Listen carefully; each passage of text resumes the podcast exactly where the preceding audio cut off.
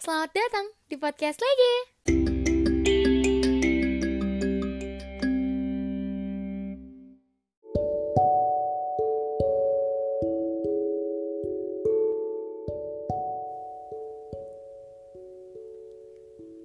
Lucu sekali jika diingat.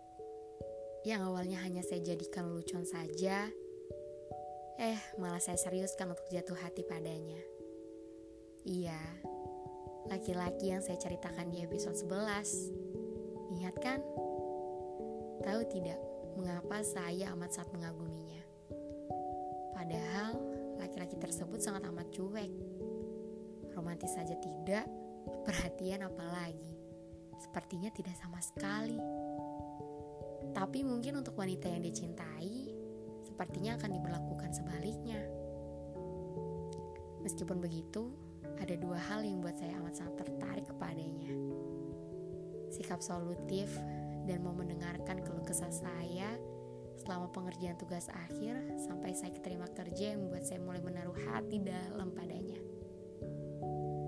Orang yang benar-benar saya hubungi pertama kali untuk mendengarkan kabar baik saya, ya selalu dia orangnya. Meskipun teman-teman saya tak terhitung jumlahnya berapa banyak.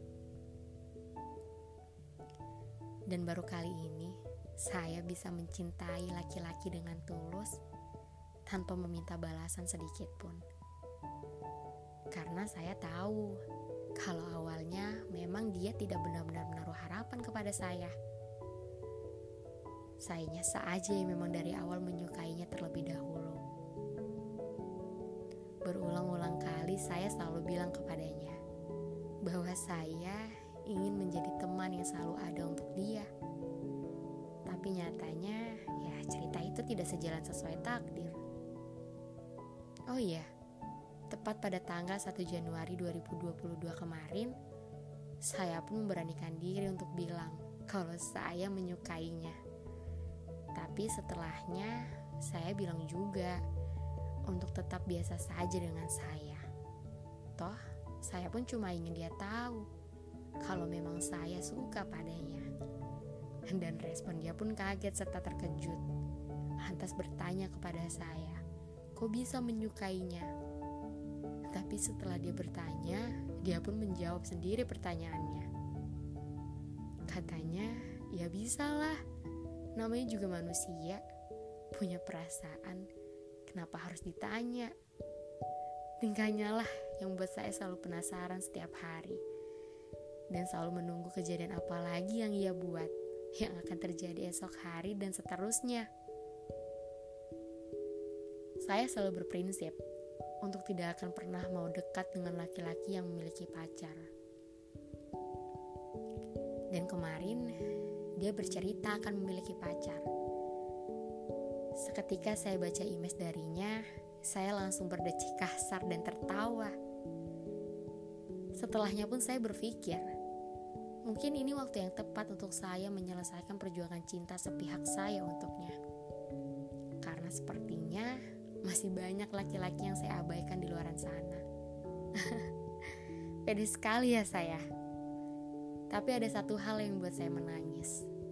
Ya, surat pengundaran diri saya untuk mengharapkan dia selama ini saya berikan dengan melampirkan berbagai janji yang harus saya tepati.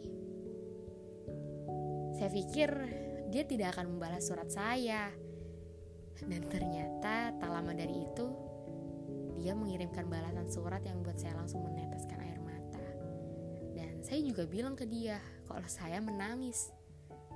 Drama sekali ya cerita saya. Ya, karena baru kali ini saya menyayangi seseorang, dia bisa mampu merubah hidup saya. Semenjak saya kenal dia, saya pun bisa belajar untuk lebih menghargai diri saya sendiri. Mampu merubah pola pikir saya. Terima kasih ya. Meskipun saya masih belum terbiasa tanpa kehadiran Anda.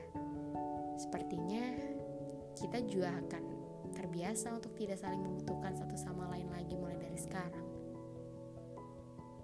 Sejujurnya ya saya berat. Cuman mungkin menurut dia tidak. Iya kan? Udah ah, saya akan mulai beraktivitas kembali dengan rutinitas baru saya yang dia juga tahu kalau saya sudah mulai tanda tangan kontrak dari tanggal 7 kemarin. Oh iya, saya juga ingin minta maaf karena terlalu egois. Menyatakan mari berteman setelahnya, tapi tidak secara langsung saya ingin mengakhiri hubungan dengannya. Eh, tunggu dulu. Jika kamu mendengarkan podcast ini, saya cuma pengen bilang, cepat sembuh ya. Tadinya saya mau mengirimkan email secara langsung, tapi nanti lagi-lagi saya mengingkari janji saya yang sudah tercatat di surat. Udah ah, mari berjumpa dengan kebahagiaan masing-masing ya.